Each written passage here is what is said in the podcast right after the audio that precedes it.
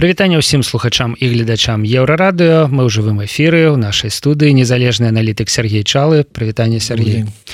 Сергей реально мы с тобой 14 гадоў таму здаецца пачалі нешта сумеснае рабіць. Вось гэта э, слова незалежны аналітык. Яны не састарэлі яны вот там з'явіліся тады і так ну, слушай, как по-другому как по-другому это называть еще эканаміст эканамічны аналітык эканамічны аглядальнік незалежны аглядальнік так, неужели от, от этого что-то меняется?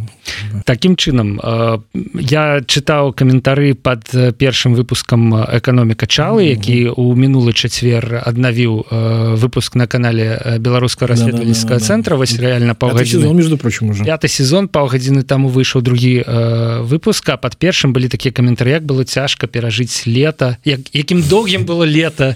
Без аналітыкі Сергея чалага. Восьось ён Сергей чалы вярнуўся між іншага хаця расчарую відаць наших нашу аўдыторыю гэта разовая акцыя прынамсі пакуль што але тым не менш Сергей у нашай студыі сябры задавайте пытанне мы ўжо некалькі пытанняў вось з чата трансляцыі выпісалі маю іх перад сабой будзем задаваць. Але першае пытанне задам Сергей такое. Вот ведаеш мы як два такія ветэрана стендапа э, беларускага да? Вось і калі один значит дауна как говорит принципе белковский да. принципе да даун шоу в этом плане ідэя стендапа конечно завалена посажена и так далее але ну вот яны калі сустракаюцца да паміж сабой яны такія Ну что тебе но можа канцэрты нейкія там да можа быть там что-небудзь а улічваючы які доўгі час mm -hmm. не было ў інфапрасторы может быть сапраўды ёсць нейкія навіны новые проекты? А, ну на самом деле действительно затянулся период э, как бы планировалось возвращение как обычно. Ну все же работает сезонами. Лето отпуск соответственно медийные проекты начинаются с сентября. Вот видишь как это все на самом деле экономика отложилась до октября. В общем короче на самом деле очень давняя была идея. Вот может быть вот-вот она и наконец реализуется до сих пор большое количество проблем. Вот не от нас зависящих. Короче, грубо говоря, была у меня когда-то очень давняя идея, началось все еще с очень-очень давнего, на самом деле, мысли ну, кажи, о том, уже, что нет, о том, что э, как бы мне вот во всех этих жанрах, э, которых у меня там были и стрим на камеру или там то, что начиналось экономика на пальцах, студбая, э, я же почему, собственно, попросил Андрея Каравайка посидеть рядом, потому что чудовищно тяжело вот эта вот работа просто на э, пустую камеру, не видя вообще ничего, ни глаз, там, ни, ни реакции. Ты з боку четвертую стену упираешься в неким литеральном сенсе выглядит монитора. Я тебе скажу, да? я реально мучился вот первые выпуски тогда еще экономики на пальцах, а, пока вот не, не появилась вот эта идея а, соведущих, которые на самом деле были прокси зрителя там ведь в действительности. Да? То есть тут вопрос был не сколько в их экспертном подготовке, да, просто как ты, ты просто видишь э, твои аргументы, они проходят, требуется ли еще какое-то э, их развитие и так далее. Мне все время хотелось Э, сделать вот что-то такое, но чтобы можно было видеть живых людей, чтобы это было зрители, чтобы это можно было чувствовать их настроение и так далее. Вот. А, и, честно говоря, я уже... Причем самое смешное, что я уже даже когда-то чуть ли не подходил к этой идее. Я разговаривал э, со спонсорами еще а, в самом-самом начале 2020 года, но потом... Селу. А потом, да-да-да, а потом начался ковид, и после этого стало понятно, что никакой проект с э, людьми в студии не будет финансироваться, потому что это просто противоречит как бы всей этой эпидемиологической обстановке и так далее. Ну, потом началось вот это вот все, потом началась, э, как сказать, э, эмиграция.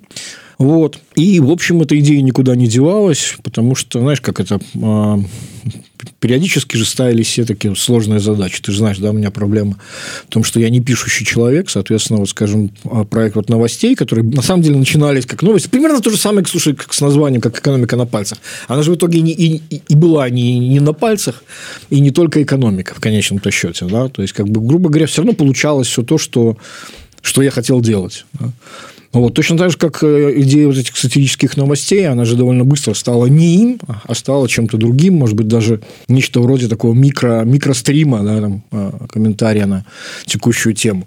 дальше вот. есть питание ці будуць навіны а ребята ну слушайте там же вы невнимательно смотрели их там в конце а, последнего выпуска там честно сказано что это был последний выпуск не в этом сезоне а последний выпуск. ну, э, людям блогерам э, вядоўцам уласціва какетнічаць что не не не не там абсолютно нет тут как раз никакого кетства не было во, во всех предыдущих случаях мы говорим что это был последний сезон в этом то есть виноват последний выпуск в этом сезоне там честно было сказано что это как бы последний выпуск, потому что, честно говоря, чудовищно тяжелая была а, работа, потому что, ну, как бы ради вот этих 12 минут Ой, очень много часов занимала. Еще раз говорю, идея, э, идея этого выпуска была в том, чтобы попробовать себя абсолютно в этом заскриптованном формате. То есть, это вот все то, что там было, это полностью записанный, то есть, написанный мной текст с попыткой максимально убрать вообще всю воду, знаешь, как вот это вот сублимированный кофе, да, вот, вот, только вот концентрат, которого там тут инвайт, только добавь воды. Угу. И расчет-то был на то, что это все-таки YouTube, который позволяет, знаешь, там вернуться, паузу поставить, пересмотреть, то есть ты укладываешь 12 минут гораздо больше. И вот, наконец, появилась как бы идея пойти, а, как сказать, все время же хочется ставить задачи все сложнее и сложнее. Да? Вот. Особенно с учетом того, что, в общем, ты же понимаешь прекрасно, что сделать, сделать какую-то какую а, программу с, со зрителями в том числе, Естественно, первым делом на ум приходит там, значит, вечернее шоу или что-то еще. Значит, сразу даже хочу оговориться, несмотря на то, что, а, значит, название, скорее всего, будет к этому отсылать, но как, так же, как с новостями. То есть, это, это не развлекательное вечернее шоу. Субботний но... вечер. The... Ну, что-то типа, да. Saturday evening. По, по сути дела, да. Live? Идея, да, по сути дела, иде, по сути дела мы, мы смотрели на, а, значит, вот эти вот американские стандарты, как это выполнено, да. То есть это э, тот же самый стендап, как ты говоришь, вот, вот тот же самый комментарий на э, живые угу. случившиеся события, но с как бы с тем, чтобы... Студия, гости... Да, да, типа такого. Оркестр? Да, да, да, да, примерно да? так. Расчет на это. Короче, я тебе скажу, что э, это тяжело было делать еще в Минске, но насколько тяжело это делать, когда все, значит, э, разбросаны и... Я не ведаю, а на БТ там засталось увогуле вот это? Нет, ничего не Перлина выперли, да? Нет. И... Нет, во-первых, подожди, ты же понимаешь прекрасно, что на БТ такого рода шоу существовать не могут просто по определению, понимаешь? Нет, Потому могут что... быть пародии на такое шоу, дело... скажем так. А, не, не, дело... Нет, смотри, здесь же, здесь же как? Э, по, ну, ну, как бы, понимаешь, тут а, когда у тебя ты работаешь исключительно по а, темникам и методичкам, да, либо ты просто работаешь как э, говорящая голова, которые там пишут, вот. Ну, то есть, как бы понятно, что никакого вот такого лайва, да, там быть не, быть не может. Ну, это очень смешно, это, я не знаю, ты... Слушай, вспомни прожектор Перес Хилтон, который смело шутил там про врагов Путина, да, в конце концов. Это же было уже просто ужасно, невозможно было смотреть. Поэтому, как бы, определенная свобода мысли и творчества для этого нужна, и без этого это все не существует. Вот, да, короче, весь час думаешь... Короче, скажу тебе так, организационно чудовищно. Вот до сих пор, до сих пор вот у нас идут новости о том, как возникают всякие разные форс-мажоры там и прочее, прочее. В общем, э, но еще раз говорю, идея была какая, почему, почему удалось людей этим э, зажечь, потому что, как бы, знаешь, как это, когда люди уже там и с, с багажом там призов и, и, и достижений, там и, и премий, и телевершений, все, чего хочешь, да, хочется же вызова. Хочется сделать что-то сложное, с, как бы, с, знаешь, не, не на коленке сделанное, потому что, еще раз говорю, как бы тупо можно дома, знаешь, включить э, веб-камеру и заниматься нечем вроде там Благанова. Вот, ну, короче, то, то, то как вот, как стрим и был. Э, на ну, несколько... Я бы нават сказал, что есть соблазн, что это все и працуе. Ну, все нормально. Типа, сегодня Ютубу ничего не трэба іншага. Вот сидит человек там на канапе и нечто вещая але ўсё ж таки твой падыход я так разумею пляша ад якасці и ну и не и... только. И не только еще раз говорю из, из, из-за того что действительно мне очень сложно без э, без человека с которым я разговариваю ну назва у этого проекта есть. Ты уже сказал что она отсылая а там еще раз я, я все смеяться будут потому что э, сначала это было название в духе шутки а потом как по мере того как мы как, как сказать рабочее название это используем в конце концов к нему привык я надеюсь и люди привыкнут и поймут что в общем как бы еще раз говорю название же на самом деле роли не играет. Называется это ночь чалым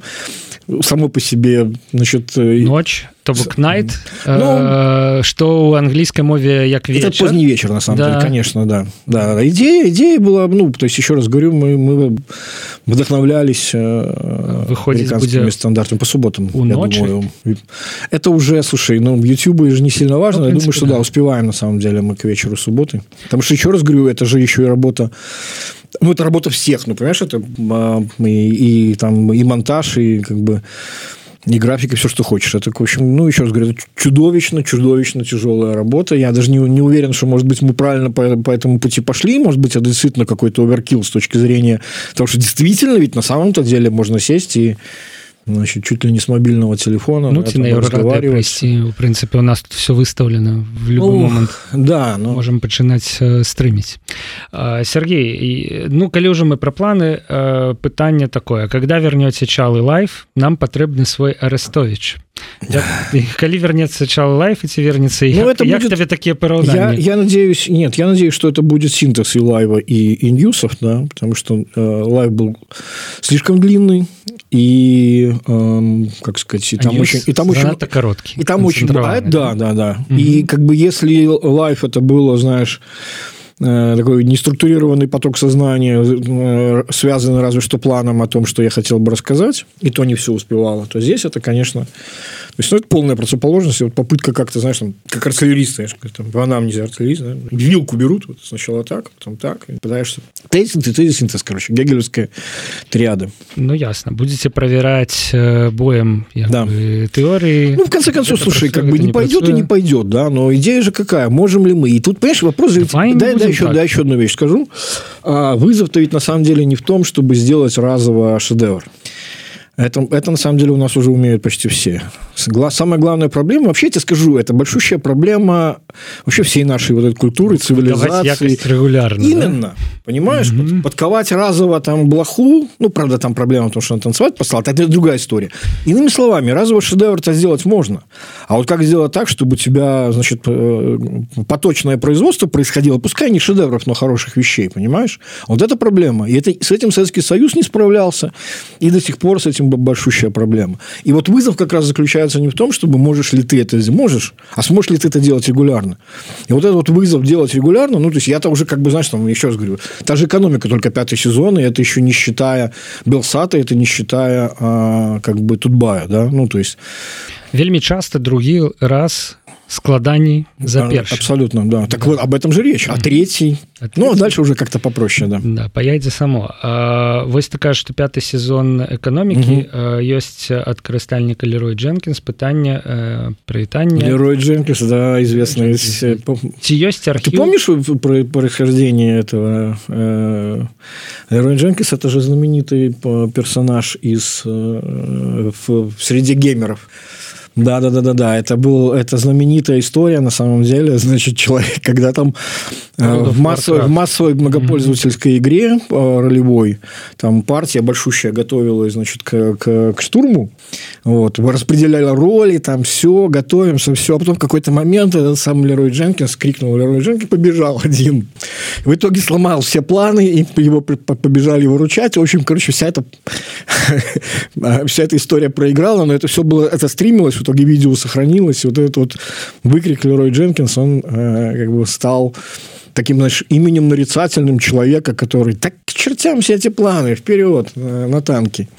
Но тут у нас іншая гісторыя пытанне ці ёсць архіў ранніх выпускаў эканомікі на пальцах видео не не знаю на самом деле как бы youtube наверное и хранит может быть а вот как бы Мне здаецца что у тутбая мусіць быць ну у колішніх супрацоўнікаў. Все бэкапы захаваны але як мы да. ведаем пакуль что у тым ліку і простое что людзі сядзелі і працягваюць сядзець за кратамі нічога не з'яўляецца не публікуецца. Меня так, что у меня была идея по, по итогам Э, проблема-то ведь в чем, да, вот э, когда ты делаешь какие-то регулярные вещи, в том, что они в итоге начинают восприниматься как газеты, хотя в действительности я старался, чтобы каждый из них был не только, знаешь, там текучкой э, краткоживущей, и не, не зря же люди спрашивают это на самом деле, потому что там было много вещей, которые продолжают работать до сих пор, там много было базовых вещей, там много вещей, которые развивались по, по ходу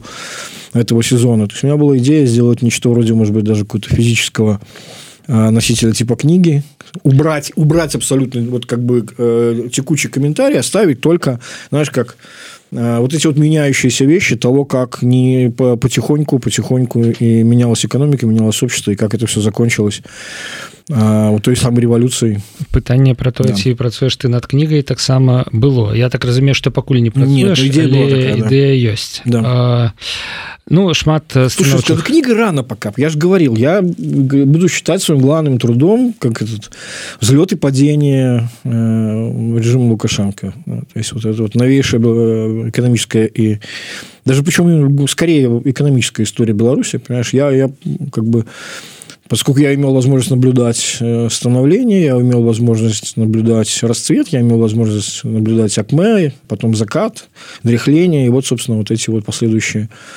э, вот этот кризисный э, период, да, попытки найти гомеостаз. Это все очень интересно. Как бы я считаю, что не так много людей, которые вот обладают э, возможностью э, это все значит, описать от начала и до конца. Потому что это, ну, реально это очень важно, знать, как это все происходило и как, как, как мы, откуда мы вышли куда мы пришли. У нас есть тысяча глядачоў, гэта добрая нагода нагадаць вам, што калі вы бяспецы, калі ласка подписывайтесь на YouTube канал Еўрарадыо, ставьте, калі ласка лайки гэтаму відэа. Гэта, на мой, э, на мою думку, самая бяспечная сёння форма падтрымки беларускіх незалежных медыяў. Ну і новыя прадукты ад Сергея Чалага выходзяць на канале беларускага расследавальніцкага цэнтра у прыватнасці сёння чала эканоміка другі mm -hmm. выпуск ну і вось ноч з чалым ну, да. вечаровае шоу таксама там з'явится я, да, разумею, да? И, скорее всего нет скорее всего, скорее, скорее всего будет именно а, свой же, канал нет да? на этом же где лайв а ну да скорее всего так э, на канале Сергея да, Чала, да, да, да, да, да ну да. вот есть я думаю что люди уже пачали забываться хотя у комментарах ну, шмат ничего. Э, шмат есть комментаров Сергей только выпле сказали войну в Украине признаюсь тогда не поверила каюсь пишет Тати Барт э, весь этот сейчас, год сейчас, российские сейчас... аналитики пересказывали да, идеи да, ваших да. выпусков 20-21 года уласна тому і добра мець архіў Таму што ў прынцыпе э, мы ці то ў 2011 год вяртаемся ці то ў 9 ці то ўвогуле ў 90 ну, возвращение конечно не бывает это всегда что-то что ну, по спирали ну, да не, я, мне, мне не нравится на самом деле эта метафора насчет насчет спирали да вот и не теория поколения мне не нравится потому что она давно опровергнута не, не как бы есть свои э, сложные многочастные законы развития массовой психологии и э, в общем и как, как это все происходит но еще раз говорю э, всю жизнь я пытался э, заниматься тем, чтобы рассказывать, что уникальная белорусская экономическая модель, доказавшая свою эффективность, она, ну, это помнишь, тезис такой был, как мем даже потом использовался, он, она на самом деле не является ни уникальной, ни эффективной и, в общем, и не сильно экономической. То есть, как бы идея была показать, что все вот это уже когда-то было, и мы примерно, исходя вот из исторических аналогий, исходя из внутренней логики, можем примерно говорить, чем это все обычно заканчивается. И вот, и еще раз говорю, поэтому с точки зрения, я понимаю, что это звучит, знаешь, так немножко цинично, но э, есть определенное удовольствие исследователя, да, когда ты, понимаешь, просто такие социальные науки, они же отличаются от э, таких как, скажем, физика, которой я занимался, тем, что невозможно поставить эксперимент. Причем не только не контролируемый эксперимент, а еще невозможно его воспроизвести. Вот. А здесь ты фактически э, наблюдаешь в реальном времени проверку э, своих собственных каких-то построений и так далее. И, в общем, видишь, что да, действительно в долгую какие-то вещи работают. Ну, з іншага боку, все равно гэты досвед дапамагае. То бок, да, экономика это не физика и нават не прецедентное право. Да, але хто же ў 2011 2023 там і паводзінам курса долара, напрыклад, не здзіўляецца.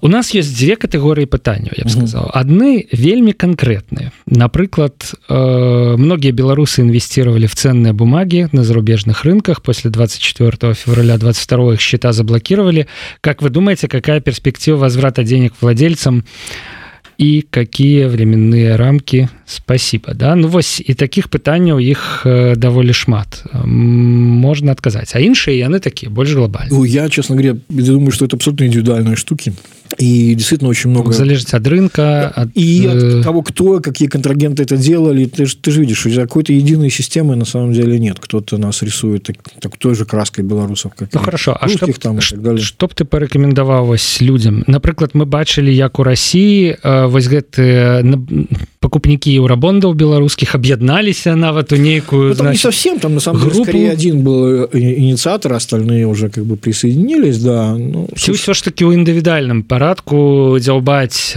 там нейкімі зваротами скаргами и кстати я думаю что вот этот вот вопрос насчет э, как бы судьбы частных белорусских инвестиций людей не связанных с режимом которых пострадали по принципу вот этой самой коллективной ответственности, не вины именно, а коллективной ответственности.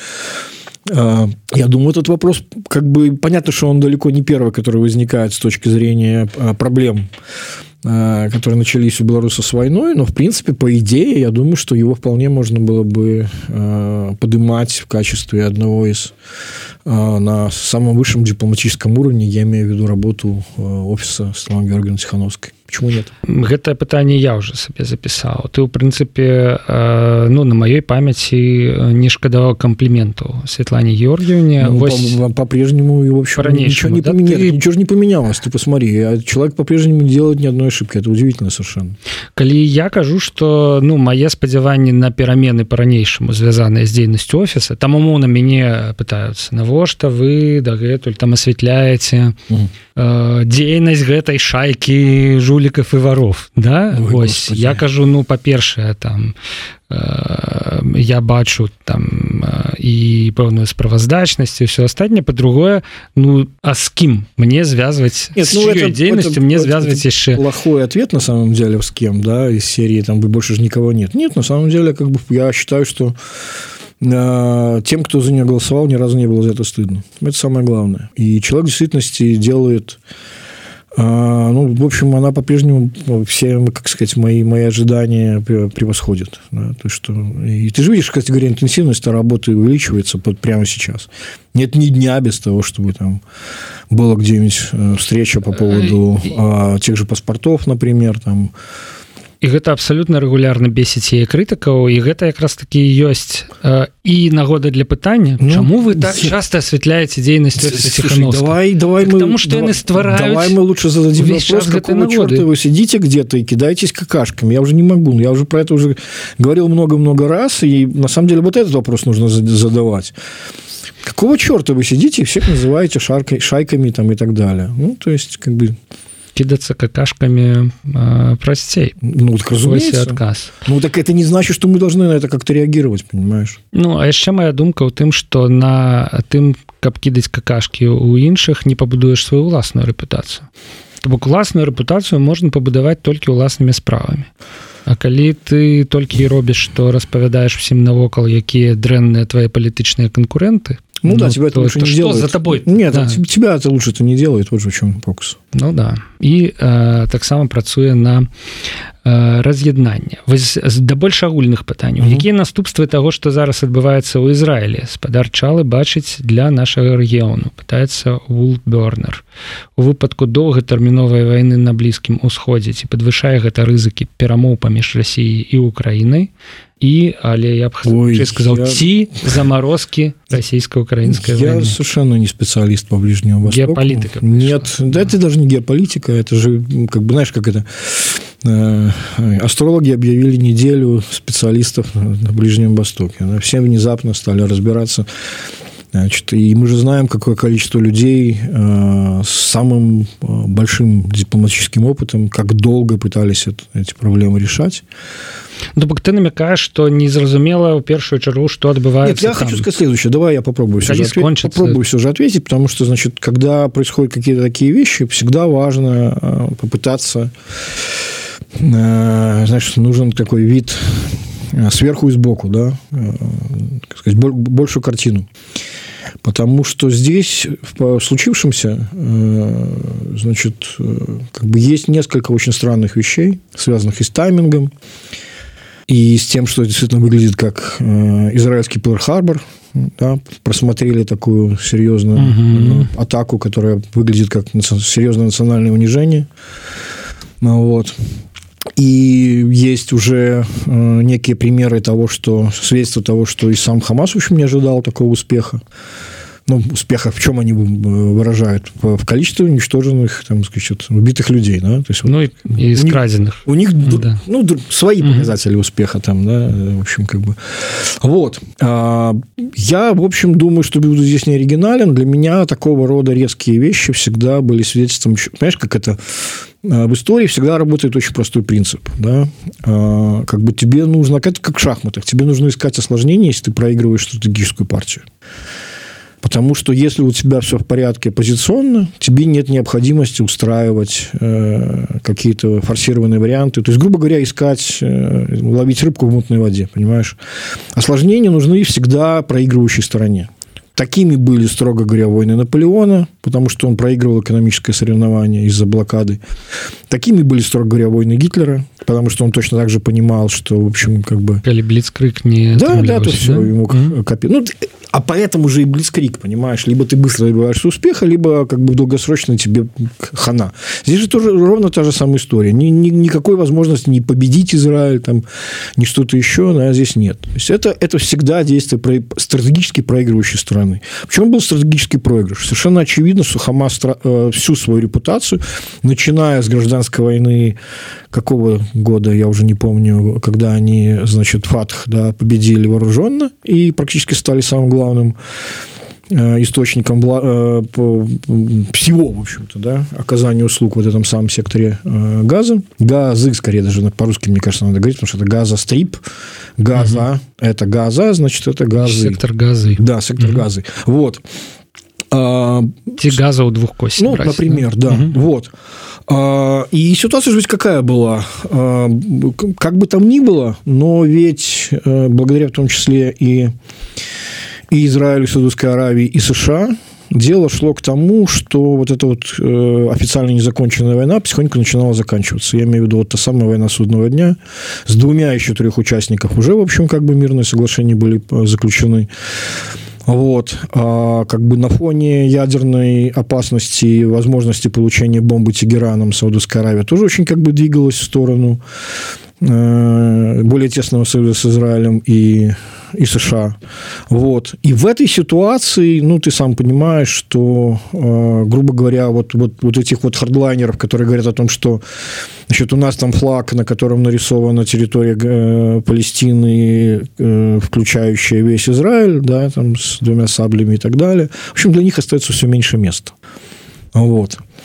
И, и, а и совершенно, треба, треба было раздуть. Да, и совершенно, это... и совершенно очевидно, что это, что, это, что это история из серии... политичные поразы. Ну, то есть, это, это история из серии. Давайте мы очередной раз, значит, мы, мы устроим какие-нибудь зверства, в ответ вызовем, значит, ответное зверство, а там всегда так работает. Ну, как, к сожалению, это же как бы история вот этих давних племенных обид, она работает очень долго. Это примерно вот аналог кавказской темы, да. А, вот точно так же, например, для меня дурно пахла вот эта история с походом э, чеченских боевиков в Дагестан. Причем там был, да и помнишь, то, что потом была Вторая Чеченская война, которая понадобилась для того, чтобы Путина привести к власти, включая вот эти все там странные взрывы домов, там Буйнакск, Волгодонск и бок ніякай э, перспектывы перамагчы в долгую абсолютно об этом речь идет идея сейчас заключалась только в том чтобы показать что Израиль не может быть другом арабов потому что смотрите какой он тоже кровожадный и злой. и в этом смысле, как бы я бы на самом деле с точки зрения, я что не могу давать никаких советов, да, но вот это вот желание, давайте мы там, значит, сейчас отомстим там, и так далее, и так далее, да, это понятно, что это про праведный гнев, но в долгосрочной перспективе, это знаешь, как это, я про это многократно рассказывал, побеждая врага, не надо становиться врагом, побеждая дракона, не надо становиться драконом. Помнишь Борхесовский Deutsches Requiem про то, что вы думаете, мы вас победили? Нет, мы вас победили, потому что вы стали такими же, как мы. Вот. И в этой ситуации, э, как бы еще раз говорю, что в долгосрочной перспективе это не имеет никаких последствий. То, что сейчас делает Америка, ты же видишь, они делают все для того, чтобы никакие другие страны туда всерьез э, не подключились. І калі гэта атрымаецца канфлікт будзе гарачым але кароткатэрміну думаю что да. ну, бок умоўна кажучы Ізраиль адбамбіцца по э... здесь самое главное здесь самое главное не увлекаться понимаешь потому что вот это вот как сказать э, еще раз говорю вот эта проблема э, как сказать, морали наших бьют да? то есть когда нас убивают это плохо когда мы убиваем это хорошо Здесь все же надо как бы думать о том, что, как, как знаешь, кстати, недавно же был э, э, день э, борьбы с, с смертным казнью. Ну так, ты день и Да, день. это же очень известная вещь. То есть, как бы от того, что вы казните убийцу, меньше убийц не становится. То есть, вот о чем идет речь. Я понимаю, что это очень сложно давать, ну, как бы, точнее, наоборот, легко давать такие советы, но смысл заключается в том, что, еще раз подчеркиваю, смысл заключается в том, что в долгосрочной перспективе дело шло к, к вполне себе нормальному э, долгосрочному миру и сотрудничеству и так далее, и так далее. Ну і для нашага рэгіёна калі ўсё адбудзецца так вот як тут гэта гучыць ніякіх доўгатэрміновых э, наступстваў не будзе тому что гэта все ж таки застанецца ну, надо, локальным... тут, еще, тут еще одна важная вещь почему все время говорят про уши Москвы да и все остальное. Потому что строго говоря мы же знаем что вся международная политика России она всегда связана с тем чтобы э, создавать либо пользоваться гнойниками. Я тогда еще был молод этого не понимал но то что происходило скажем э, в Приднестровье во времена еще ну, самого начала распада Советского Союза, это же был, в общем, как бы плейлист, с помощью которого Россия потом работала везде. Да, это же та же история с Грузией, захваченные, э, оккупированные территории э, Южной Осетии и Абхазии, которые выполняют роль тех же самых э, гнойников. Да, то есть, грубо говоря, это попытка создавать Палестины, либо поддерживать уже существующие. Вот. И, и как бы мы же понимаем, что на самом деле это тоже, в общем, политика, которая, знаешь, как это, э, невозможно раздувать щеки, рассказывать о том, какой это ты великая там, страна цивилизации, если все, чем ты занимаешься, ты создаешь проблемы другим, вместо того, чтобы делать людям, э, сказать, э, наносить пользу вместо того, чтобы причинять вред. Да? А вот получается вот так. И, конечно же, в долгосрочной перспективе это не работает.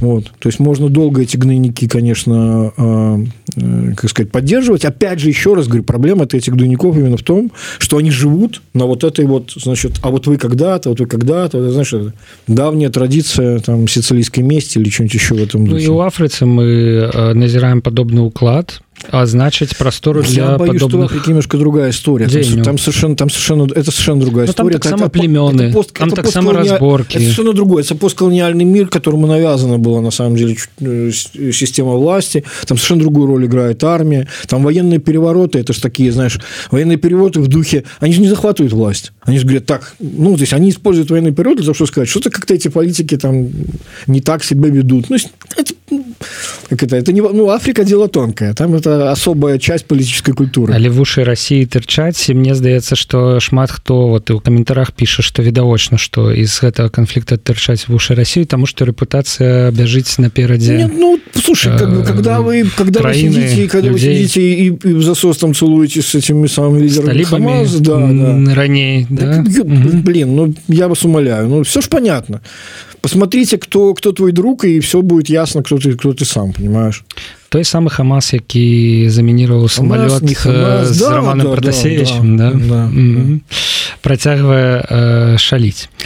А, ну в прынцыпе я лічу что максімальна магчымы адказ дадзены два пытанні датычацца перспектыву эканамічных прычым не беларусі я так разумею что з беларусю людзям в прынцыпе туды-сюды все зразумела ці верце вы у абвал рынкаў гэтай восенню узімку на ўзроўні краху доткома 2000 другі як спадарчала больш асцярожнае пытанне як спадарчала ацэньвае рызыку рэцэсіі ў наступным годзе бок не абвал у гэтым а, э, я, зна... вообще, я, вообще, честно говоря, я вообще честно говоря не понимаю откуда берутся разговоры про рецессию а может рецессия взяться из разговоров про рецессию может конечно может угу.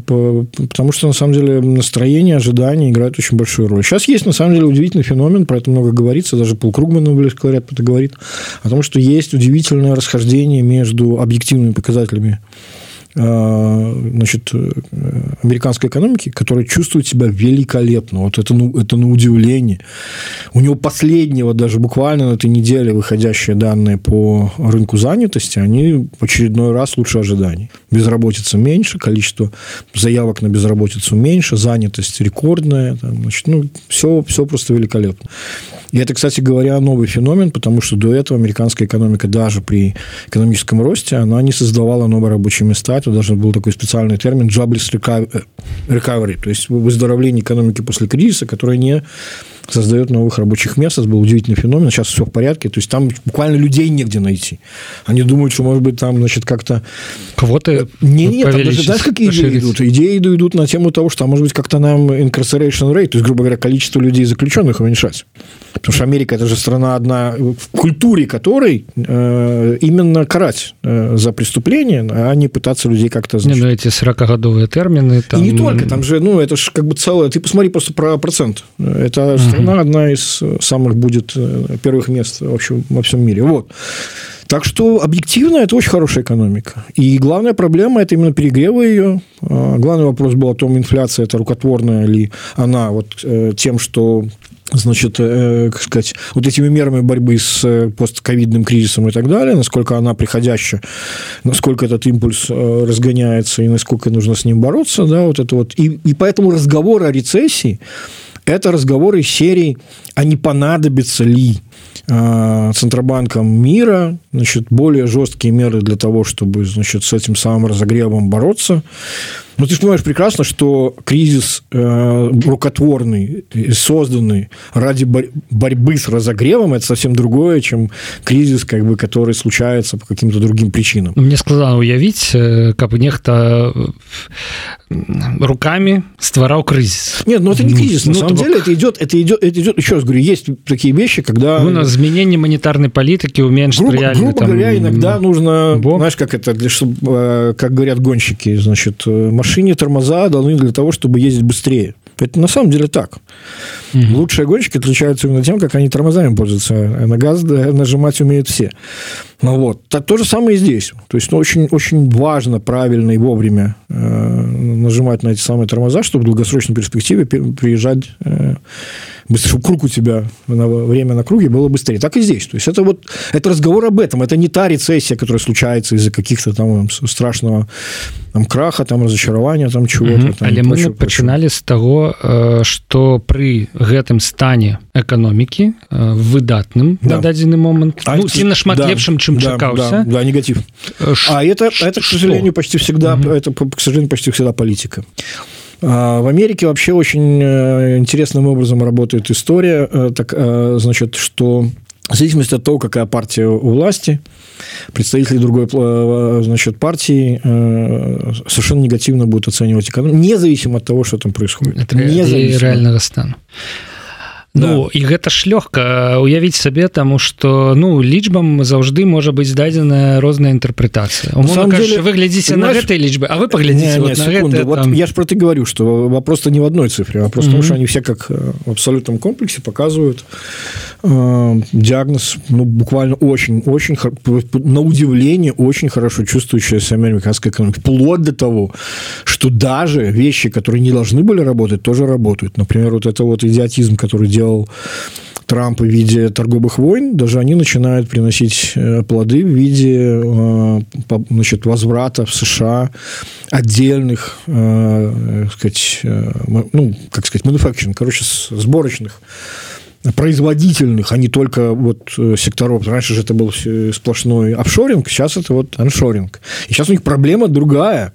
Проблема в том, что желающие защитить себя от... Э, ну, как бы, потому что ковид же что показал? Он показал, что когда у тебя вся эта система выстроена настолько а, хитро, что у тебя поставщиков там 100-500 по всему миру, где тонко там рвется. Чуть только нарушаются транспортные какие-то вещи, валится моментально все. Помнишь, как стояли автопроизводители, потому что не могли чипы приехать? Чипы, из... да, я так само одразу подумал про чипы. Совершенно верно. Mm-hmm. И, и это только одна из э, примеров.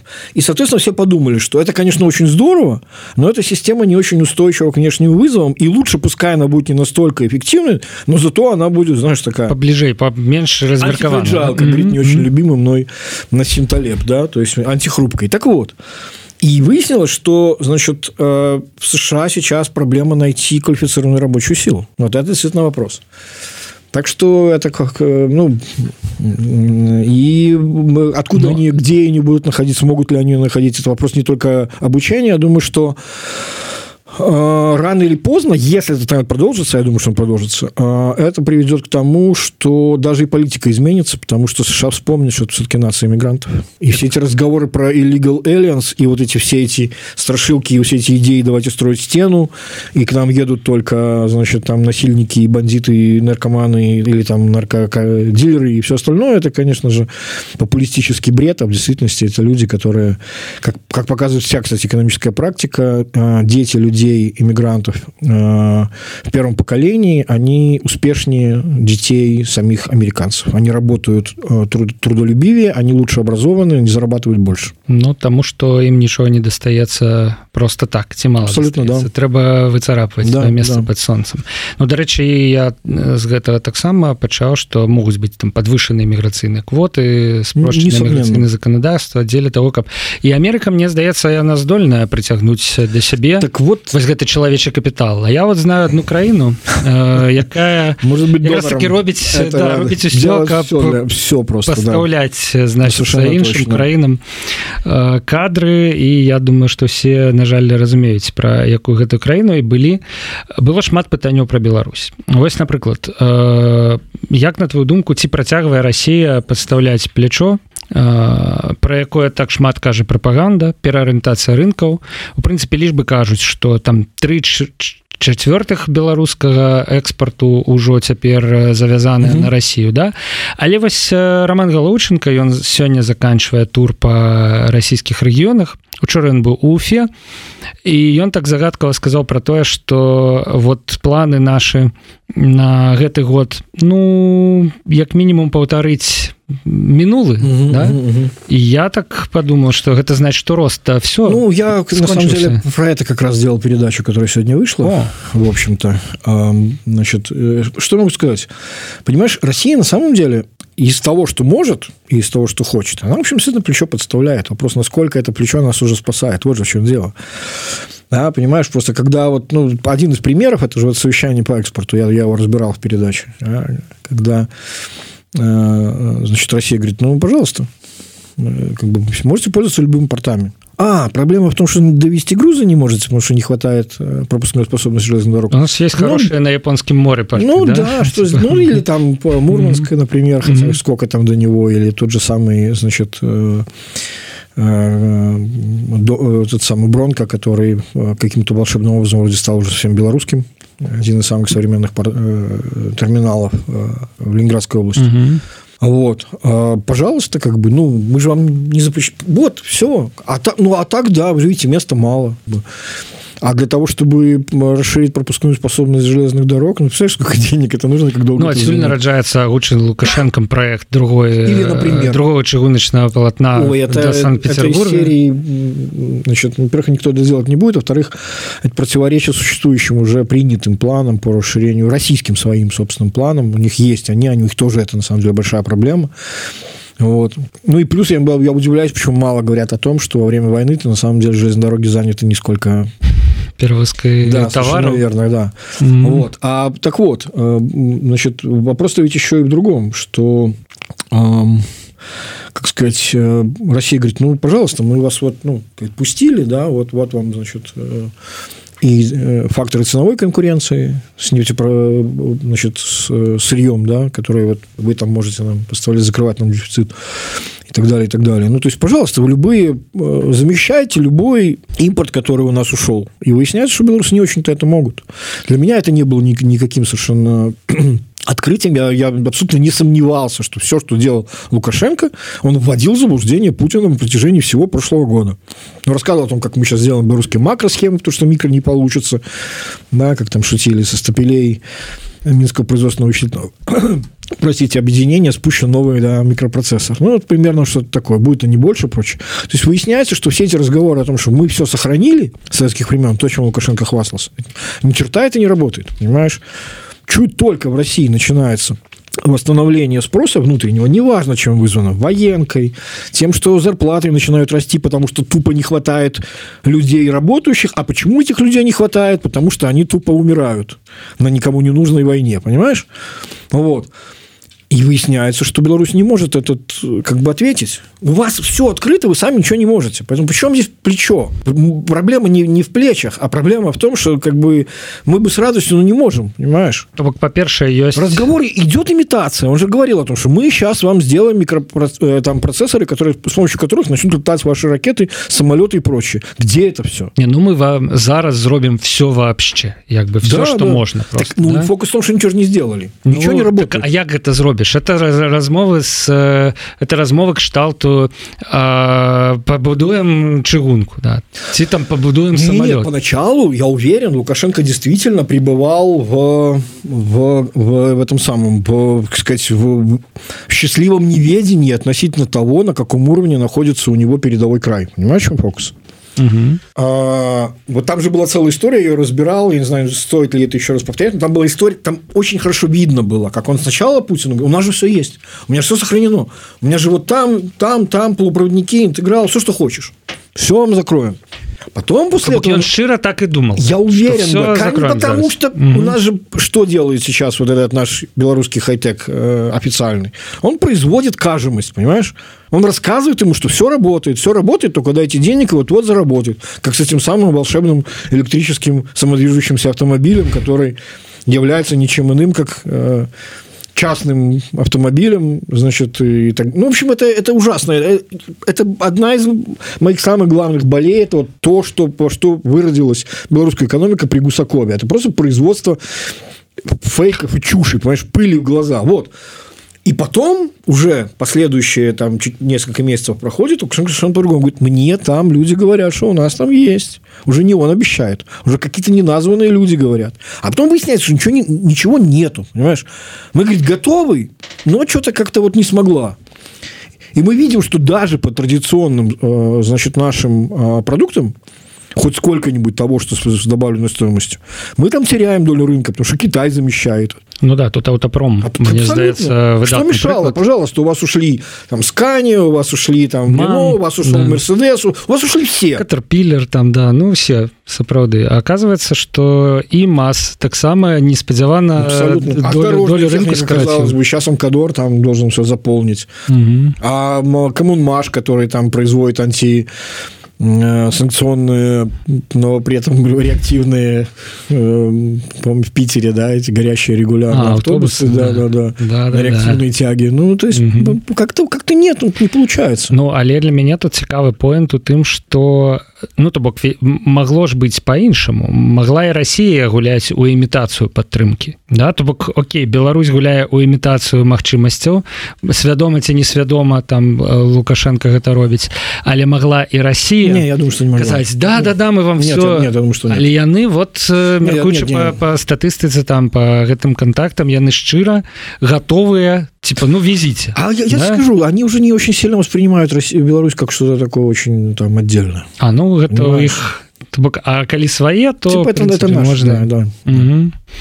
Ну я як бы разумею откуль бярэцца іх такое разуменне снова конечно же заблуждение. Они уже много раз подходили к этой ситуации когда они думали что тут уже все уже никто никуда не денется что это все наше что там сейчас мы там пришлем к вам посла который сейчас поездит по предприятиям посмотрим что у вас тут нам там, может там купители там прочее потом этот посол с позором выгоняется. Ну слушай это регулярно было но, но то что у них они снова находятся в ситуации вот этого уверенностью, что ну, Беларусь как бы с подобной лодки никуда не денется, это все наши, поэтому что тут, ну, как бы это все для нас. Угу. Як бы ты оценил то, что отбывается с белорусским IT-сектором? Вось я так разумею, что он был э, драйвером,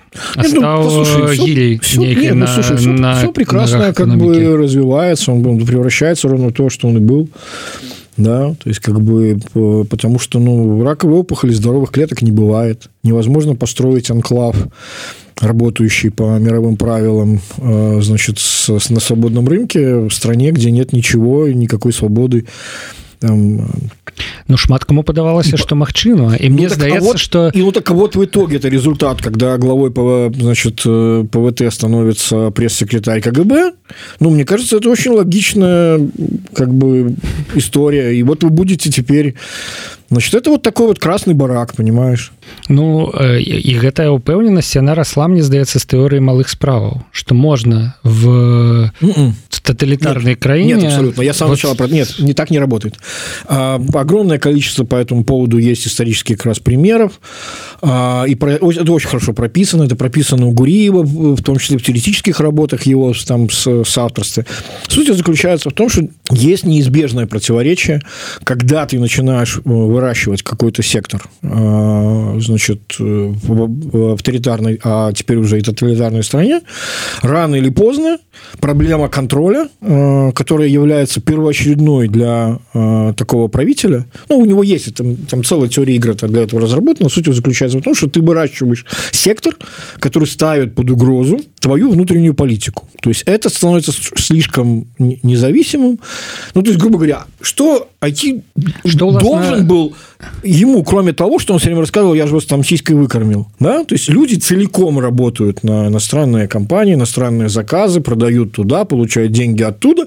Здесь они только, ну, в Беларуси, они только тратили. Вот, собственно говоря, все, что, все, что как бы, понимаешь, и, ну, и рано или поздно, мы же поним... я, я ждал, конечно, раньше, но случилось позже, но тем не менее, рано или поздно же, да, значит, как сказать, по пирамиде Маслова рано или поздно возникают э, запросы на самоуважение, на свободу.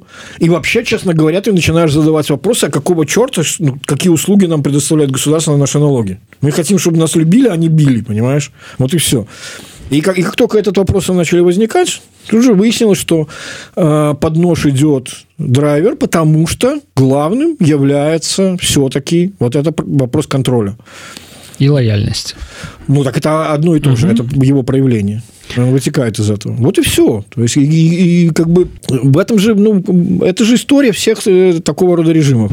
Им плевать на эканамічнае развіцце, если это ставит под угрозу іх самадзяржаве. Угу. І гэта в прынцыпе э, неяк супала з двадцатым годам, тому что я думаю, что былі раздражняючыя так фактары. Так это, так ну, мы ж про это і, да, сярод пратэстоўцаў было шмат айцішнікаў і вот э, днямі выйшаў па нт фільм пра данацераў і там мне асабліва у вушы душы некалькі разоў кінулась что данаты на карысць фондаў рабілі людзі з грашыма якія могли сабе это, кстати неправда. гэта дазволить это, кстати неправда. Во-первых донаты были весьма небольшие как Але гэта жаданне классовую ненависть. Да донатера распалить яно абсолютно ну так там, там не донатеров. Там вообще классовая ненависть это давний э, значит э, инструмент которым власть пыталась пользоваться. Вспомни каждом видео они заставляли назвать э, заробок конечно посаду. потому что угу. предполагается что это уже должно очернять этого человека в глазах их собственных сторонников.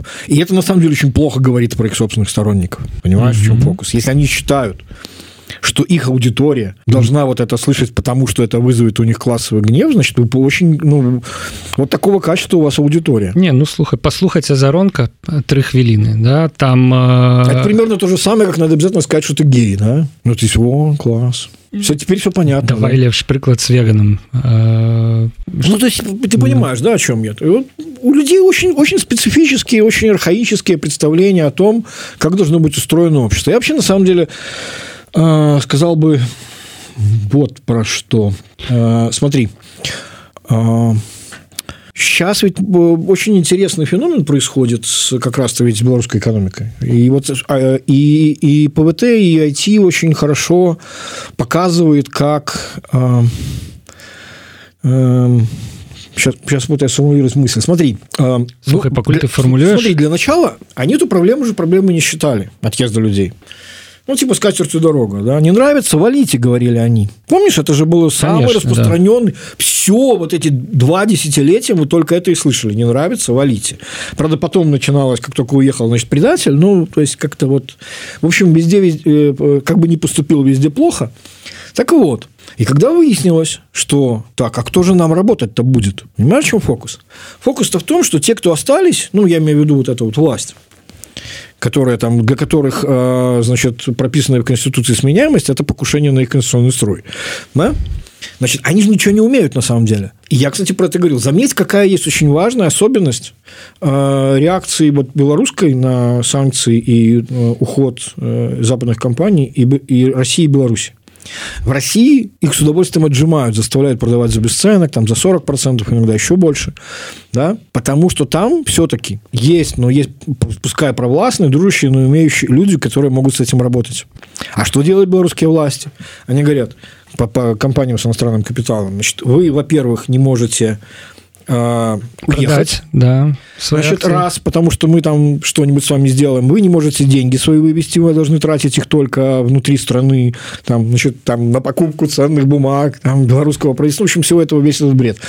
Вот. Но и закрыться вы не можете, остановить свою работу, потому что мы тогда вам ведем внешнее управление. Но какое внешнее управление? То есть у них задача такая, давай работай нам, потому что мы сами ничего не можем. Потому что эта власть, главное, чему она научилась, это сидеть на потоках и контролировать. Понимаешь, она внедряла в частной компании людей, которые занимались, значит, э, вот эти вот кадровики, которые постоянно были с ГБшным прошлым. По спец. Да, угу. раз. Они смотрели, во-первых, кто нелояльный, а во-вторых, они, значит, следили, за, как следили на потоках. Но эти люди, контролеры, понимаешь, они не умеют производить это паразиты, которые могут существовать только тогда, когда есть на чем паразитировать. И сейчас происходит удивительная история.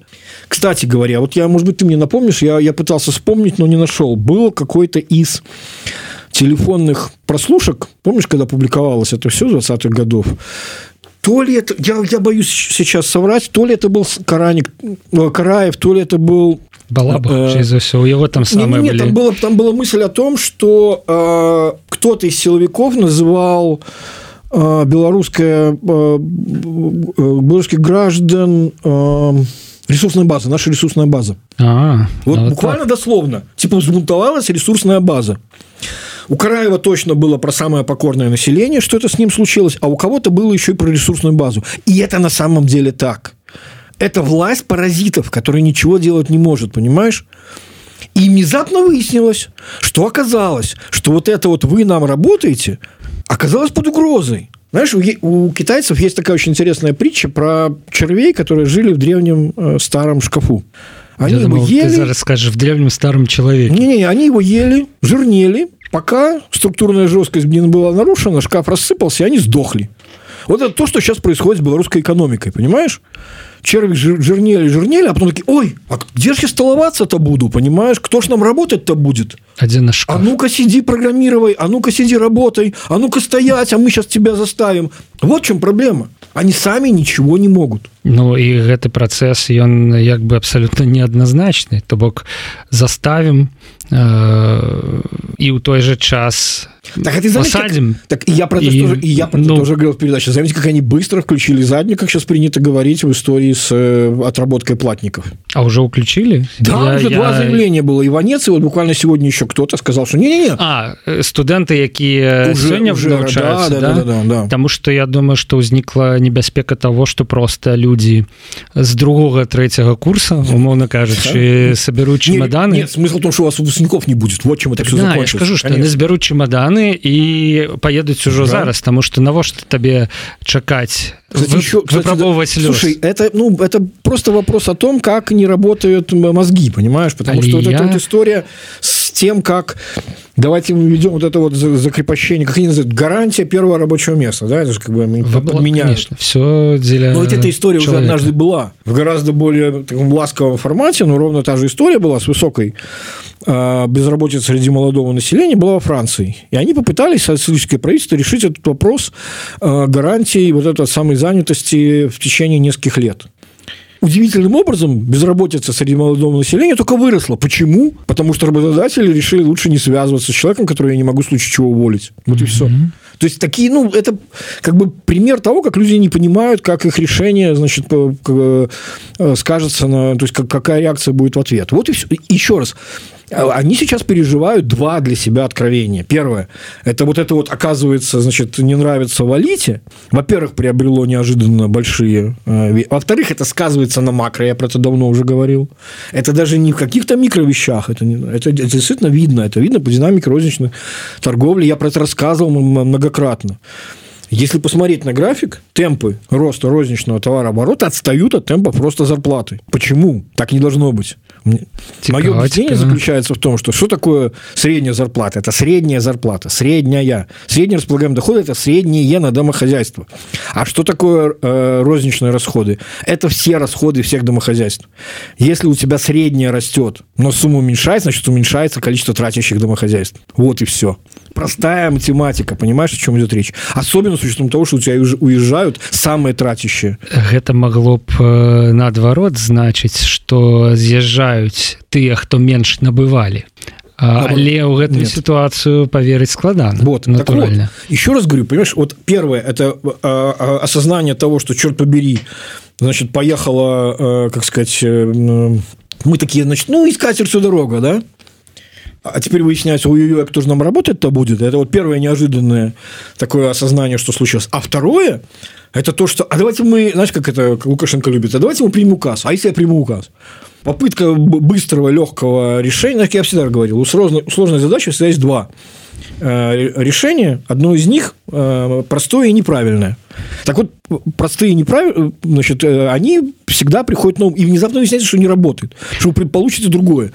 Але я хотел бы сказаць что тое что сёння міністр адукацыі кажа что не будуць размяркоўваць студэнтаў гэта не значыць что праз год ничего не значит не скажа іншае тому что вось ізноў я вярнуся до фільма які паглядзеў учора і быў под вялікім уражаннем что у нас вельмі лёгка все заканадаўчыя ініцыятывы набываюць зваротную моц. Ты падтрымліваў нейкі фонд ці медыю ці яшчэ што-небудзь калі э, яна не была не экстрэміскай не тэрарыстычнай ніякай просто да слушай начнем с того далей то яе абвяшаць праз два гады ну, например праз два гады да. ты там экстрэміскай тэрарыстычнай і ты робішься ўжо слушай это не самый это не самый вопиющий пример есть гораздо более вопиющие вещи когда преступлением становится подписка на экстремистские каналы не ну в то время как в законодательстве прописано так само заворотную э, мая мост говорю, да, да, да. прописано по распространение экстремистских экономической а не потребление ну так яны ж адразу раз распаўсюдзіць калі калі что раптам ну, то есть я про то что нет там Но подписка это удел у экстремистскім формировании нет, так, на самом деле нет на самом деле нет ну конечно нет, нет. але э, как раз там там слушай я вот как сказать я сам знаю как я тут думаю работает, поэтому гэта можно не абмярковаць тут важно да. тое что все гэта мае зваротны бок а это нет, нам кажуць нам не чыноўнік кажа что не будзе гэта по-другому там на самом деле давным-давно уже было виден а, во власти после вот этой всей чрезвычайщины, да, было, был запрос на кодификацию этой самой чрезвычайщины. Потому что силовикам даже, если ты какое-то время находишься вот в этом, знаешь, волшебном раже, в этом вот упоении в бою, да, когда ты палкой можешь бить вот это самое, значит, э, как там, подножный корм, ресурсную кормовую базу, угу. понимаешь? Но в какой-то момент ты же понимаешь, что, ну, это же, знаешь, как это, рано или поздно придется отвечать. И вот эта вот ситуация иногда не до законов, она была очень-очень им неловкая. Это было совершенно видно, и поэтому пошел целый процесс, угу. который... А теперь, говорит он, пора научиться жить по закону. Ну, конечно, каким законом? Законом таким, которые значит, запретили вообще все и все считают преступным, но даже с этим не получается. Вот в чем проблема. Потому что и в этом тоже есть своя логика. Если ты запускаешь механизм насилия против собственного населения как единственный способ удержания себя власти, остановиться ты не можешь нет обратного хода у этого механизма. Я всегда рассказывал, на самом деле, вот сколько было разговоров, как над мной смеялись, я говорил, Лукашенко сталинист. Вот когда там у него нет идеологии глупости, у него абсолютно четкая, очерченная была идеология.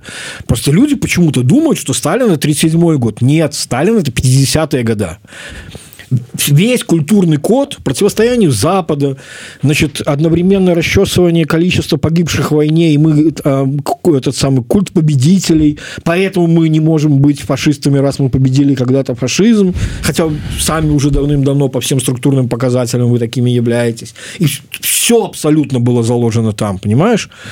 он, не зная ничего, воспроизвел это. Вот это на самом деле, э, я уже многократно говорил, книжка есть как раз про значит, Добренко как раз про так сказать, культурные коды вот этого позднего сталинизма. А репрессии – это судороги, понимаешь? Но фокус в том, что если ты на эту дорожку стал, ты не можешь их прекращать. Феномен Сталина, почему я говорю 50-е годы? Все-то после войны думали, что вот теперь-то все в порядке, все победили, а оказывается-то нет. Дело с безродных космополитов, АК евреев – просто не могли их назвать собственным именем, да, врачей-убийцы в белых халатах и прочее, прочее, вся эта бредятина, понимаешь? Почему? Потому что такова логика. Это уже не нужно было, но тем не менее эта система не может по-другому жить. И, скорее всего, Сталина просто свои же, видя, что, значит, нет, возвращается все-таки друг, другая сказать, э, система вместо той, которую мы рассчитывали, наконец, большую свободу как благодарность тому самому народу, который тебя победил, твою проигранную войну. Нет, ничего этого не вышло. То же самое и тут. Ну э, скажу так на незразумелым для зумераў э, мове да быў сталінізм будзе і двадцаты з'езд як бы. Обязательно это всегда так происходит. Вот иначе иначе не робится. Сергей мы годину... больше того я тебе больше того я скажу что даже те это, чем же 20 съезд важен? Потому что надо не забывать что осуждателями были все те самые кто в, в этих самых репрессиях участвовал. Ну и дарэчы яны яшчэ нейкі час э, спокойно прытрымаліся что в намякае нам на тое что нейкі нейкае выйсце сітуацыі яно магчымае цалкам магчымае нават калі мы зараз нават калі яны зараз яго не бачаць. Мы то бачым шмат сцэнараў. Там внутри сістэмы хутчэй за ўсе людзі не дужа бачаць да? Як ім заплямленым па самае не магу як бы выкараскивацца да? Але быў двадцаты з'езд было развянчанне культа асобы і былі у як бы далей ну, это же, ты же понимаешь прекрасно что так понимаешь еще раз все жили а, еще раз я, я все-таки сторонник того чтобы говорить что есть э, длинные тренды которые приводят к тому что значит каким-то образом там люди пытаются им соответствовать или нет да? то есть вот э, в чем же был смысл вот этой вот, как сказать, э, антисталинской условной э, революции, можно так это назвать, да, ну, потому что... 56 -го года, ты имеешь, да? Да, конечно, угу. потому что стало понятно довольно быстро, причем кому Берии стало понятно, что арабский труд не работает, что следующим содержанием экономи- противостояния с Западом будет научно-технический прогресс, как это у нас называли, а как бы подневольные люди не создают инноваций, понимаешь? Как бы готовиться к войне, готовиться к войне с помощью рабов можно, да, там количество чугуна и стали на душу населения, а компьютер вот не получается. Чамусьці я ізноў уже познаю э... а я про что так вот, так вот, так вот, гэтых так вот Берия, кстати развагах. говоря, был первый, кто это понял при всей его там э, страшности этой фигуры, потому что это был человек, который курировал космическую программу на минуточку mm. и ядерную. и он же был автором шарашек. Он понимал, что глупо Королевым рубить э, дерево где-нибудь в Сибири. Или Туполевым, или еще кем-то там, и так далее, и так далее. Понимаешь? Вот о чем идет речь. И, ну, то есть, это, это не потому, что они такие хорошие были, потому что по-другому система не могла работать. И так будет с этой системой, потому что она так работать не может. Она дисфункциональна. И так или иначе способ избавиться от этого маразма, он, будет, он случится. Ну, то есть, это, это совершенно очевидно. Ну, э хутчэй бы сформулюю это ну, так послушай и так мы видим с, с исторической точки зрения сверх быстрое изменение сверх просто быстрое изменение вот все равно года. Я полтору. Хутчэй бы. Вось. я разумею что трэба быть цярплівымі каб дачакацца беларусі нужно жить долго чтобы увидеть крах і напісаць э, кнігу пра взлет так, сябры клапаціцеся калі ласка простае здароўе займайцеся спортом э, і гэтак далее і гэтак далее. Сергей Ну я уже тут заводзіў шарманку про тое что мы гадзіну эфір да, правду не задаў я табе пытанне яшчэ про каардынацыйную раду якіх было шмат. Ну задам калі-небудзь э, наступным разам хотя было б цікавае твоё меркаванне. Але прыемна таксама что вось памятаеш амаль гадзіну таму я сказал что была тысяча гледачоў вось цяпер у нас 2000 гледачоў. І я думаю что гэта стрыма будзе А что ты про камп'ютерную игру не спросил про камп'ютерную игру да Сергей. Ну гэта уже ведаеш як давно было гадзіну таму. Пыталіся ну, да. ці прайшоў ты балдурсгей 3 давай гэтым пытаннем да, і скончим а вот образом получилось так что не зашел мне балдурсгей 3 Бо все а, думали, что ты сник. А, нет, а, но, но вместо этого я прошел Starfield. Starfield это что такое? Я это еще... Bethesda, это, это Fallout в космосе. А, короче, сябры погуглю. Skyrim. Погуглю это то, второй, Starfield. Это, это, грубо говоря, там, там, примерно, там примерно одновременно выходило два крупных э, title а. Вот. Э, я думаю, что эти вещи будут работать еще годами вперед, но как-то вот, вот погрузился я только во второй, а первый как-то пока отложил. Starfield открою для себе, але, спадзяюся, не знікну там на некалькі месяцаў.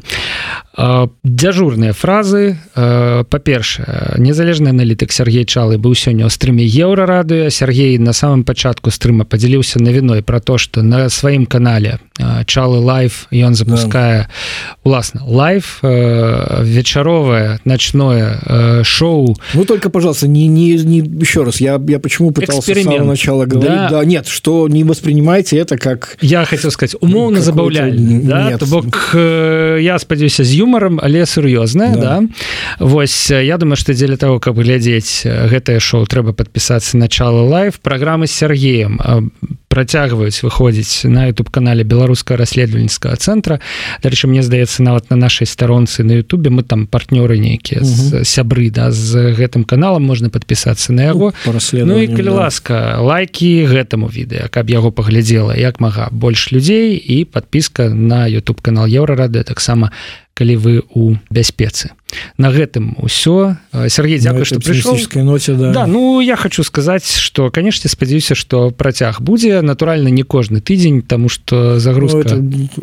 я мы пока я думаю, не не уверены, экономика будзе кожны тыдзень да. выходзіць я так разумею да. да? Ну прынамсі так плануецца Вось але будзем рады відаць бачыць Сергея у нашай студыі яшчэ okay. дзякую всего добра да пабачэння сябры